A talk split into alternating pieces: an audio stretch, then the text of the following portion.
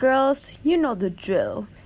In med hörlurarna så ingen annan hör, för ni vet aldrig vad man hör på denna podden.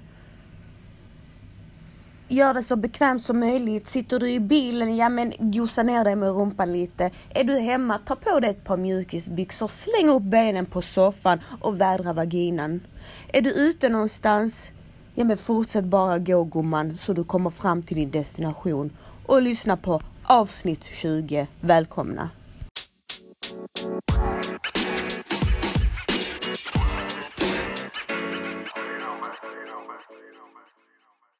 God eftermiddag mina gumsepomsar.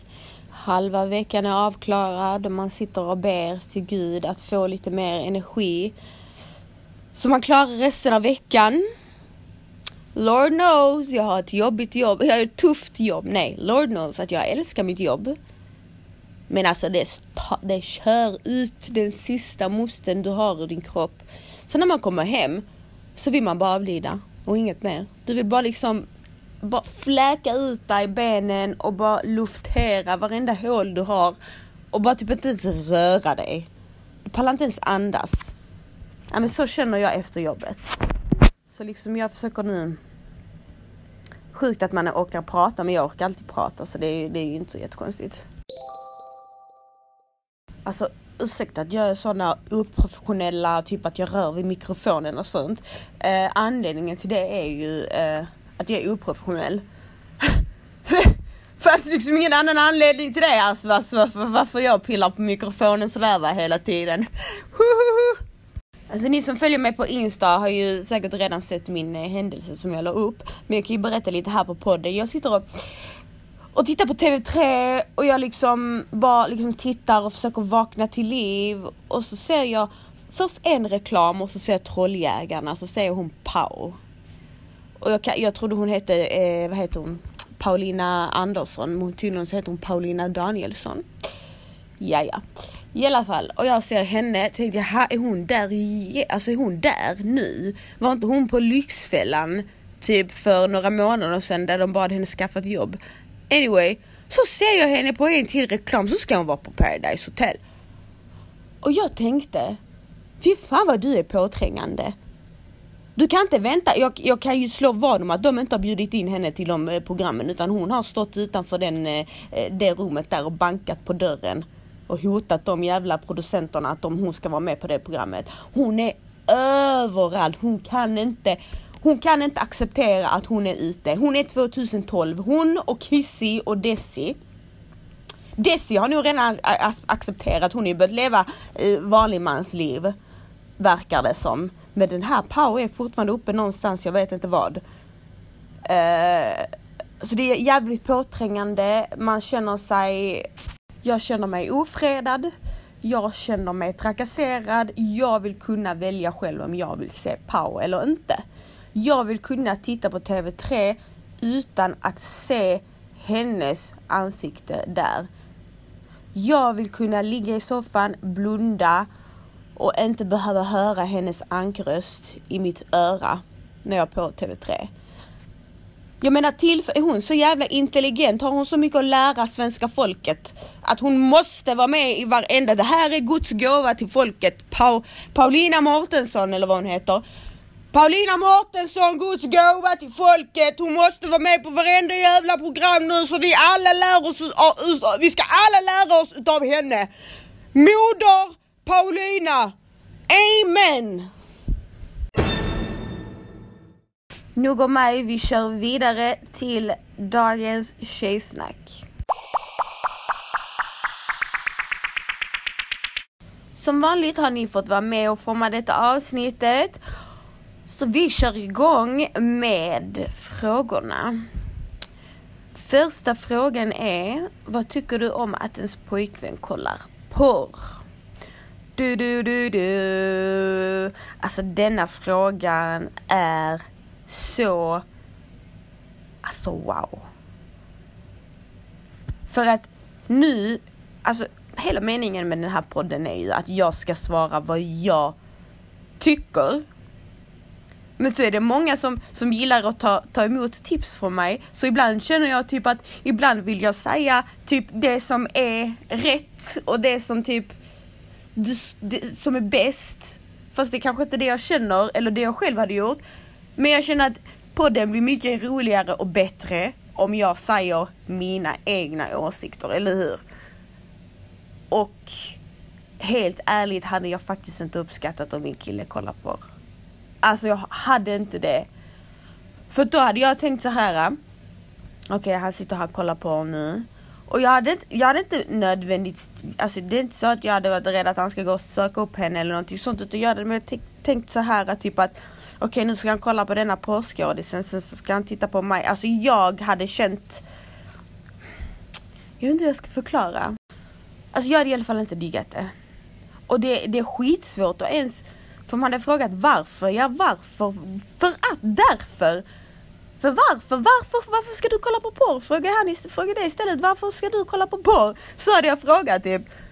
För att alltså jag kan själv inte förklara varför man inte, det är väl för att det är väl inte så jävla roligt att, att en kille ska kolla på något artificial som en tjej inte, den, den, det är något som inte en vanlig tjej egentligen kan uppnå i sängen och så, så ska han sitta och titta och fantisera och det, och, på, och, han ska sitta och titta och fantisera om det.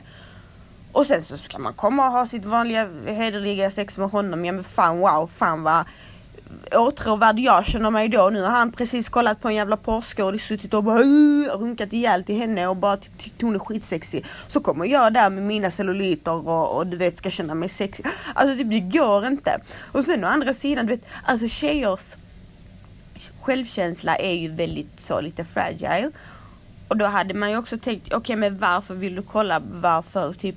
För det finns ju killar som gillar det här lite nasty typ eh, hela denna grejen med filma, du vet det är oftast väldigt förnedrande i, porr, i porrfilmer, lite smällar och lite sperma i munnen och sånt. Och om han hade då sagt att ja men det är den, den biten jag gillar, men då hade jag kunnat kompromissa. Ja men okej, men spotta mig i ansiktet då. Vi kan filma. Men snälla titta inte på porr för att jag känner att jag känner, jag känner inte mig tillräckligt bra då för jag känner att du du kollar på något, någon standard som jag inte kan uppnå och sen så ska jag liksom så. Uh, och det får faktiskt killarna acceptera tycker jag. Egentligen. Och kan de, är de beroende av porr då tycker jag de ska stänga in sig i en toa någonstans och ta, kolla på porr. Jag tror inte man ska egentligen inte dela med sig av det till sin tjej.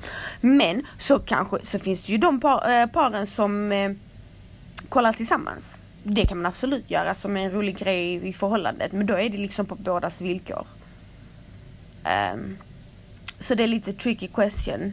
Jag menar, är man PK nu och ska prata så som det borde vara i ett förhållande så hade mitt svar varit ja men oh my god, klart han ska kolla på porr, jag kan inte vara osäker, jag är självsäker i min egna kropp och han får göra precis som han vill och jag får, alltså det är typ det snacket, typ I know. Men det är så här jag känner och detta är real life feelings. Typ vem känner så? Vem fan känner så? Eh, jag mår bra i min kropp, typ who are you? Typ vi är normala människor här, vi är avundsjuka, vi känner, vi, ja, ja, vi stör oss på vissa grejer. Typ, man får lov. Man kan inte bara vara helt PK, eller hur? Så om du känner att du, om det är något i det, jag vet inte om det var något för dig, alltså så med din pojkvän. Jag tycker i alla fall så här, jag är på din sida, du har all rätt att känna så. Och jag tycker faktiskt att, att det, det är väldigt, eh, för porr porrindustrin ser ut på ett visst sätt och det är ganska förnedrande och det är ganska eh, lite så. Så jag tycker det är inte mer än rätt att en kille ska faktiskt acceptera det och liksom Antingen är du med mig och uppskattar min kropp och så gör vi det roliga vad vi kan med min kropp. Eller så kan du ju liksom leta vidare. Yes, det var det. Tror du på karma?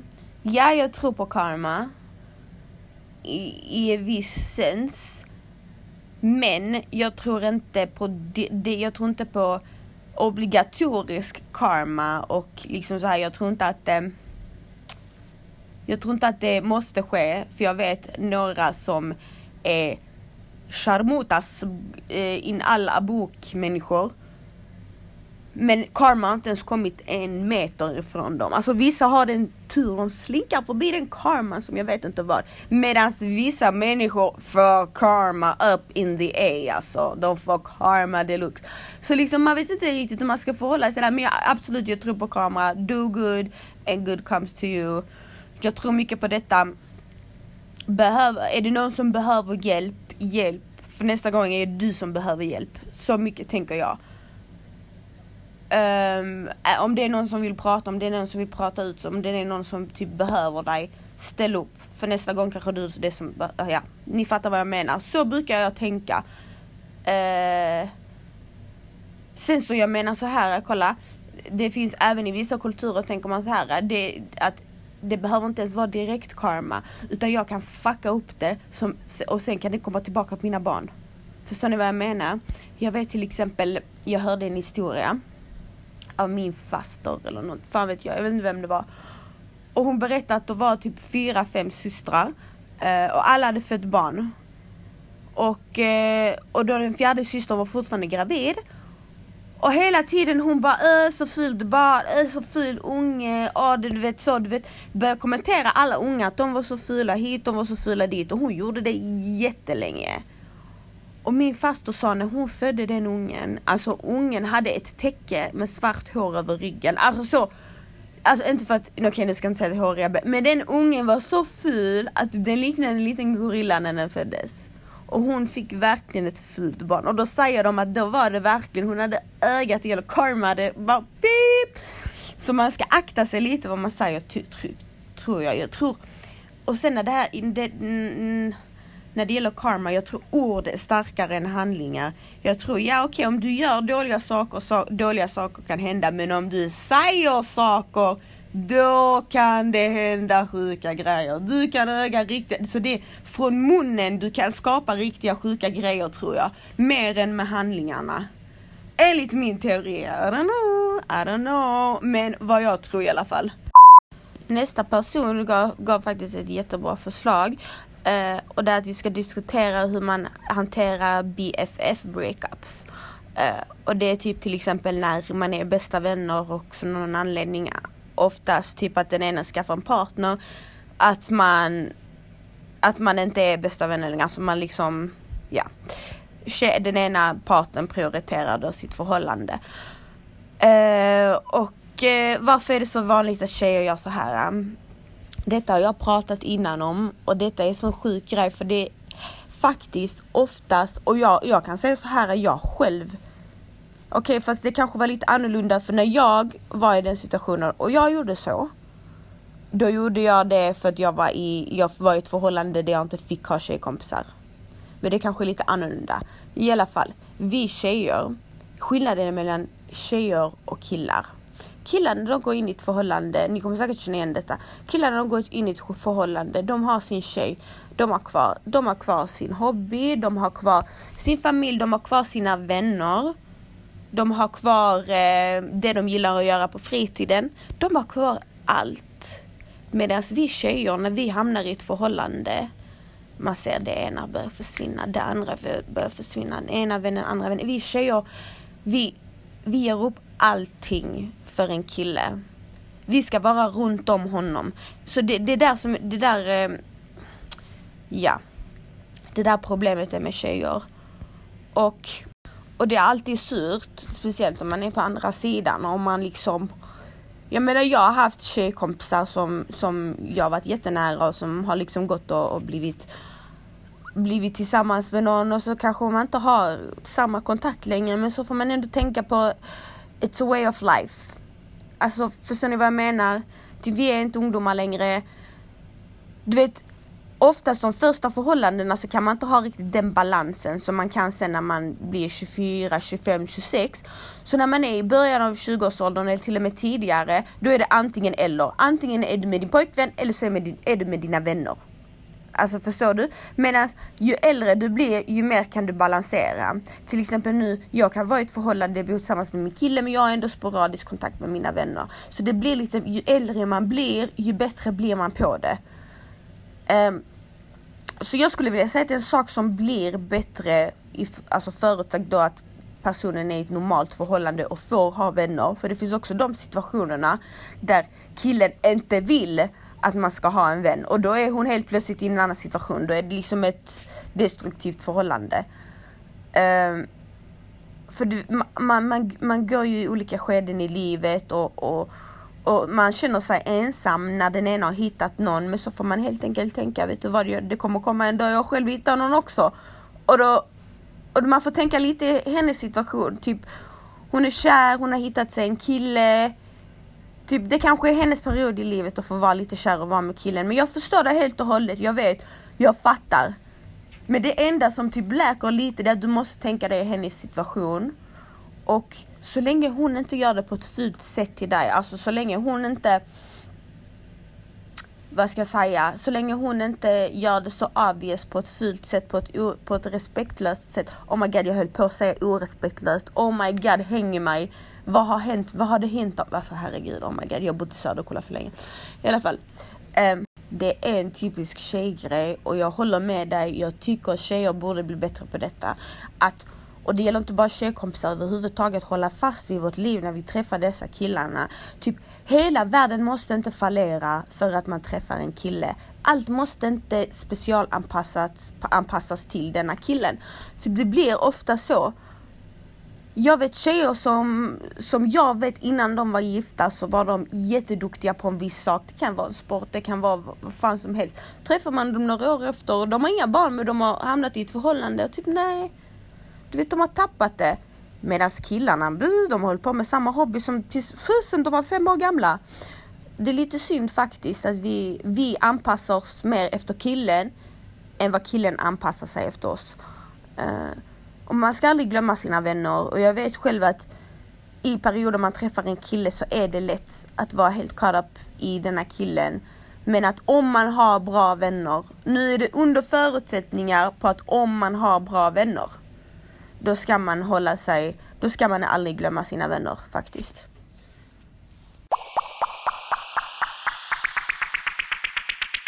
Jag tar denna frågan som en fråga för att det är samma person som frågar. Uh, och det börjar uh, Har du svårt att lita på folk i din omgivning efter de senaste två åren? Och hur mår du idag efter allt som hände? Eh, Okej okay, vänta jag ska svara på den första frågan, eller den andra frågan som är innan den frågan så kan jag fortsätta på den frågan. Och då frågar någon, vad är det värsta en vän slash före detta vän någonsin har gjort dig? Och jag ska berätta till er det absolut elakaste någon har gjort mot mig oprovocerat. Och det är att lägga ut mitt krampanfall som jag hade under live på Youtube. Och det gjorde en före detta vän till mig. Så det, det måste nog toppa listorna på det elakaste någon har gjort faktiskt. Riktigt spiteful. Och, och nu till din fråga. Jag mår bra idag, tack gud jag mår jättebra. Eh, verkligen, jag har hittat min min zone i livet. Jag har liksom fått såna wake-up calls, allvarliga wake-up calls men jag mår bra faktiskt. Eh, nej, jag kan säga så här, jag har Alltså jag umgås inte med någon, inte med någon. Jag, jag har inte den typ jag har några jag litar på och det är väl Det är väl två stycken kanske som jag har gått typ sen sjuan, åttan med. Och sen så resten så, jag kan inte lita på någon. Jag kan inte lita på någon för det känns som att varenda människa typ som man har som man, man har haft i sitt liv och du vet öppnat, för jag är sån här, typ om jag är din vän, jag är väldigt öppen som människa, jag är öppen som en bok, jag, jag kommer berätta till dig vad jag har på mitt hjärta och ibland kan mitt, mitt liv vara kaotiskt, du vet. Och det känns som att jag alltid haft vänner som har lekt och spelat att ja, men de lyssnar på mig och de bryr sig. Men innerst inne har det visat sig vara sådana som har suttit och gottat sig. För varje dålig grej jag har sagt har hänt i mitt liv så har de suttit och liksom gottat sig på det. Sen, så, sen dess har jag bara liksom stängt. Och det var också en av anledningarna till att jag började lajva.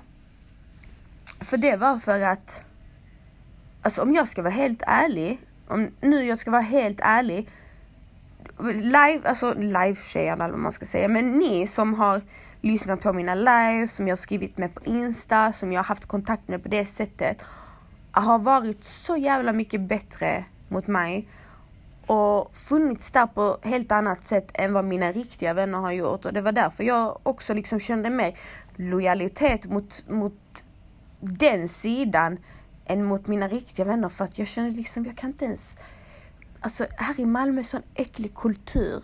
Hela denna Malmökulturen, tisslande, tasslande, typ du kan inte lita på någon. Du kan inte. Det är skitsvårt. Och jag önskar jag hade någon att lita på. Jag önskar, du vet, tack gud att jag har, alltså jag, jag vet inte vad jag har gjort utan Mario. Alltså nu låter jag helt så, uh, men faktiskt, för att då hade jag varit jävligt, jävligt ensam människa. Om jag inte hade haft Mario. Nu, nu, nu låter det som att jag kommer kollapsa ifall vi gör slut. Men då får ni fan komma allihopa och bli min vän. Om vi gör slut, för då kommer jag inte ha någon. Nej men alltså så. Tur att han är så pass att han är, han är verkligen min bästa vän också. För att jag har liksom, jag har haft den oturen, jag har haft så jävla otur med folk runt omkring mig. Helt sjukt.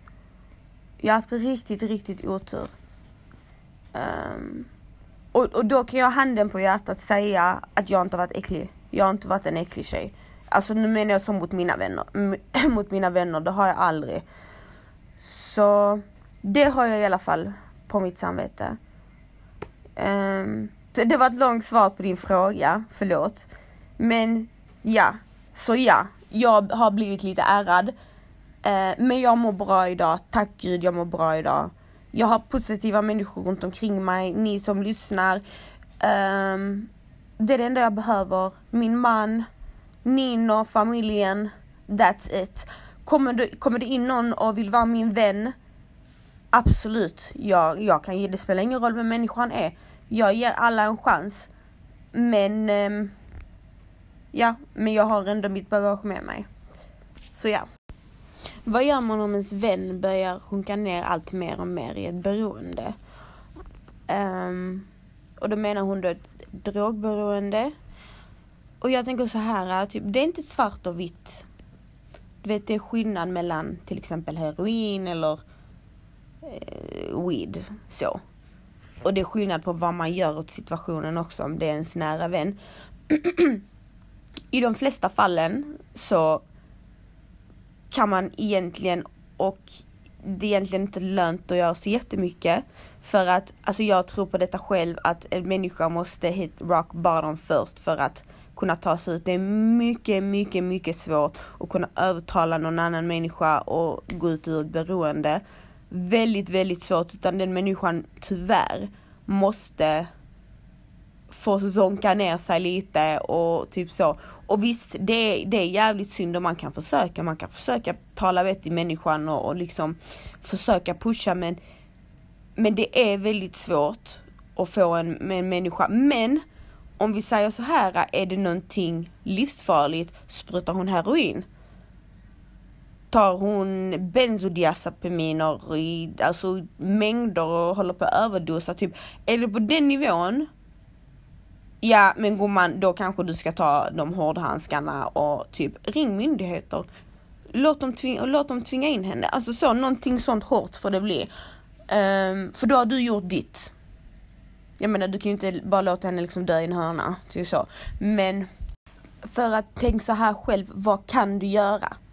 Ja du kan gå och, och slänga hennes narkotika men hon kommer bara gå och köpa mer ja du kommer, du kan sitta och, och, och liksom predika till henne fler, i flera, flera timmar varför hon inte borde knarka men det liksom kommer gå ut, in i ena och ut genom det andra för det är ingenting hon inte har hört innan. Och ja, du kan sitta och skuldbelägga henne och ge henne dåliga vibbar och liksom ge henne skuldkänslor men då är bara risken att hon ökar på en dos för att nu har hon fått dålig energi och dåliga känslor på sig så nu liksom Förstår du vad jag menar? Så jag menar du i detta fallet är ganska så maktlös och det är jättetufft för en vän, det vet jag. Och därför kanske du måste för din egen skull, om hon inte är redo att ta tag i sitt liv, nu vet jag inte vad det, detta är för drog beroende på nu, du, kan, du behöver ju inte göra så jättedrastiska åtgärder till exempel om det är weed vi pratar om. För då är det liksom, ja okej hon kanske luffar till sig några månader men sen så liksom, de brukar komma på spåret efter ett tag. Men är det nu den här, de här tyngre drogerna, alltså till slut så måste du ju faktiskt ta ett steg bak för din egen skull. För att du inte ska liksom, för hon inte ska kunna dra med dig ner och att du ska bli ledsen och deprimerad när du ser din vän. Uh, så det är ju det. Det är liksom det, den hårda sanningen. Och där har man ju en fördel som en vän för att där är du en vän och där har du ett, ett val. Men tänk dig då om du är en familjemedlem eller om du är gift med människan. Då har du inget val, då är du där, då måste du se det hända liksom. Så det där det där, det är liksom, ehm, ja. Men du förstår vad jag menar. Det är inte mycket man kan göra. Um, beroende på vad det är liksom. Men you got this girl och framför allt, tänk på dig själv. Det låter dumt men tänk på dig själv för har du inte dig själv kan du, kommer du aldrig kunna vara, vara där för någon annan. Ge henne en chans att lösa ut det själv. Hon kommer, oft, ofta så löser de det själva. Jag menar de som dör i överdoser och blir narkomaner på gatan, det är ju ett, vad ska man säga, det är ett fåtal. De flesta, de flesta, allra flesta får känna på det luffalivet lite och liksom de går ner sig och det kanske får en överdos två.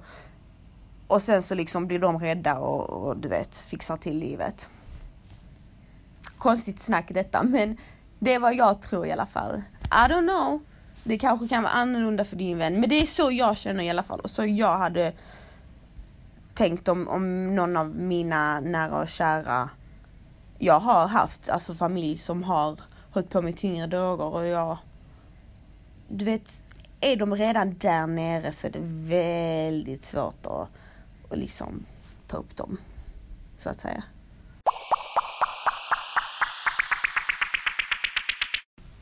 Natta, how do you deal with hearts from jealous bitches? För damp alltså. Ja du gumman. Nej men alltså. Jag ska säga så här. Jag är den sämsta att ta. Ni ska absolut inte ta tips från mig när det gäller den grejen. För jag är så dålig på att bara osa, vara snäll tillbaka. Typ, jag har alltid haft det problemet. Jag har alltid svarat folk du vet, tusen gånger värre än vad de har skrivit till mig. Jag kan absolut inte alltså, hantera det överhuvudtaget. För att jag blir så irriterad. Typ varför? Har du inget liv? Typ jag snear. Jag blir bara irriterad när jag tänker på det. Eh, så, men innan var jag ju värre. Innan var det den, typ så, de kunde skriva någonting, jag sa, var är du? Kom vi ses. Kom träffa mig istället. Kom träffa mig. Kom träffa mig istället. Alltså typ, det var med den. Nu typ Nej men nu, nu liksom känner jag att jag mognat lite och jag pallar liksom inte bry mig längre. Jag vet inte om man kommer till den punkten. Faktiskt.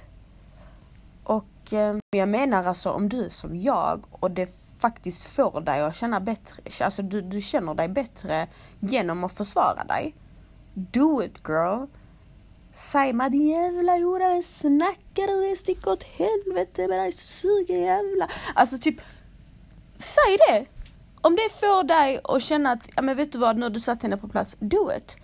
Jag vet, wow, wow, man pratar om att vara den bättre människan, högre människan och sånt, men ibland vissa, alltså vissa, jag, oh, jag tror jag hade känt mig tom om jag bara hade liksom Åh nej, nu skriver hon att jag är en jävla hora. Åh vad roligt, ja men nu ska jag gå och bada. Alltså typ, det, hade, det är svårt för mig. Eh, så gör vad du känner för. Vill du försvara dig tillbaka? Ja men gör det! Gör det, sätt dig på plats. Sen om det är någon jävla falsk profil eller någonting sånt så är det lite svårt. Men eh, vilket det oftast är för att bitches är jävligt, jävligt fega nu för tiden. Um, så ja, gör vad du känner för helt ärligt. Um, för det gör jag. Men jag, som sagt, jag har faktiskt lugnat mig och jag är inte lika stor GB som jag var innan. Så det, det kan jag i alla fall säga. Innan vi kör sista frågan så ska jag bara avslöja vad nästa podd kommer handla om. Och det är faktiskt baserat på en fråga jag fick och denna frågan kommer vi då ta i nästa avsnitt. Och det kommer att gälla då kulturkrockar i relationer. Det vill säga relationer där den ena kommer från det ena landet och den andra kommer från det andra landet och lite sånt smått och gott. Så det kommer nästa, eh, nästa avsnitt handla om.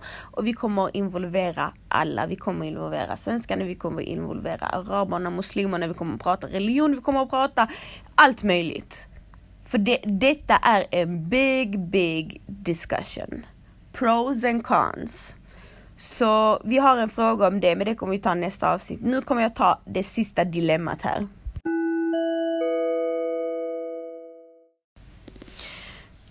Det har ringt mig till en arbetsintervju till ett jobb som jag verkligen skulle trivas med och som hade passat mig perfekt. Men problemet är att jag måste jobba hela sommaren och låta min partner åka ensam på semester i fyra veckor till hemlandet. Får ingen semester. Han säger att han älskar mig mest och allt sånt där och att jag får välja vad jag vill men att jag har så svårt att vara utan honom blir helt panikslagen när vi är ifrån varandra en längre period.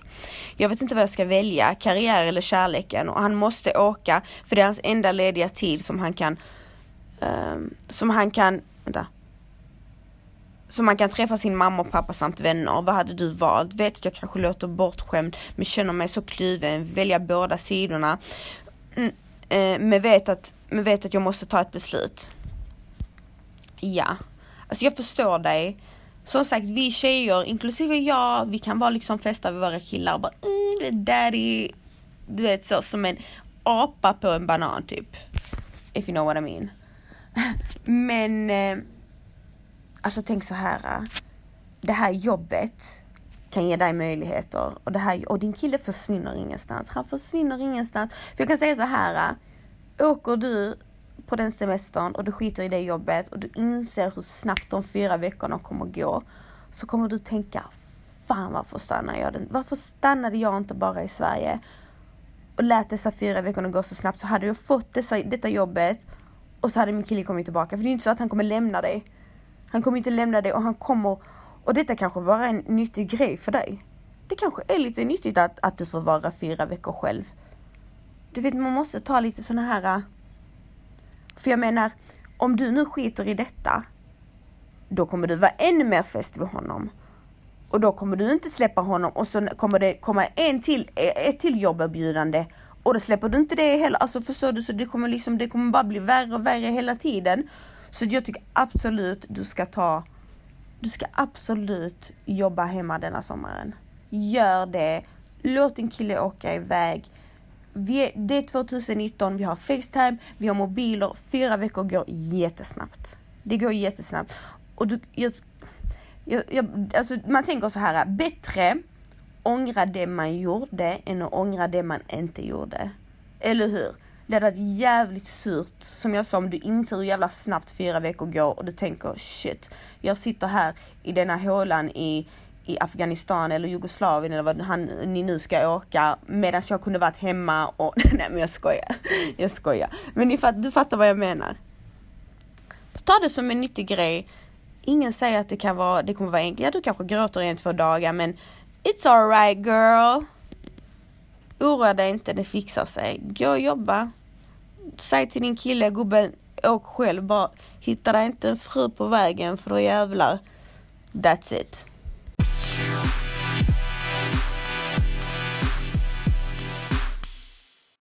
Det var allt för avsnitt 20. Jag hoppas ni tycker att det var ett roligt avsnitt, för det var roligt att göra det. Fortsätt skriva in till Skamkudden. Vi har ju Skamkuddens Instagram eh, som ni kan skriva in till. Det är fortfarande ganska lite följare där, men det är okej. Okay. Annars kan ni skriva in till min privata Instagram också. Det är hur ni vill. Fortsätt skriva in, det är ju ni som gör avsnitten. Nästa avsnitt kommer mycket handlar om det här eh, då, relationer med olika ursprung och allt det där eh, smått och gott. Så har ni några undringar eller har ni egna historier gällande det? Är ni själva i ett sånt förhållande? Har ni upplevt problem? Har ni upplevt fördelar? Dela med er, skriv till mig, ni är anonyma. Vi är flera tusen tjejer som lyssnar så det är alltid så nyttigt att höra andra tjejers berättelser. Tis this. Mwah. Love you. Bye.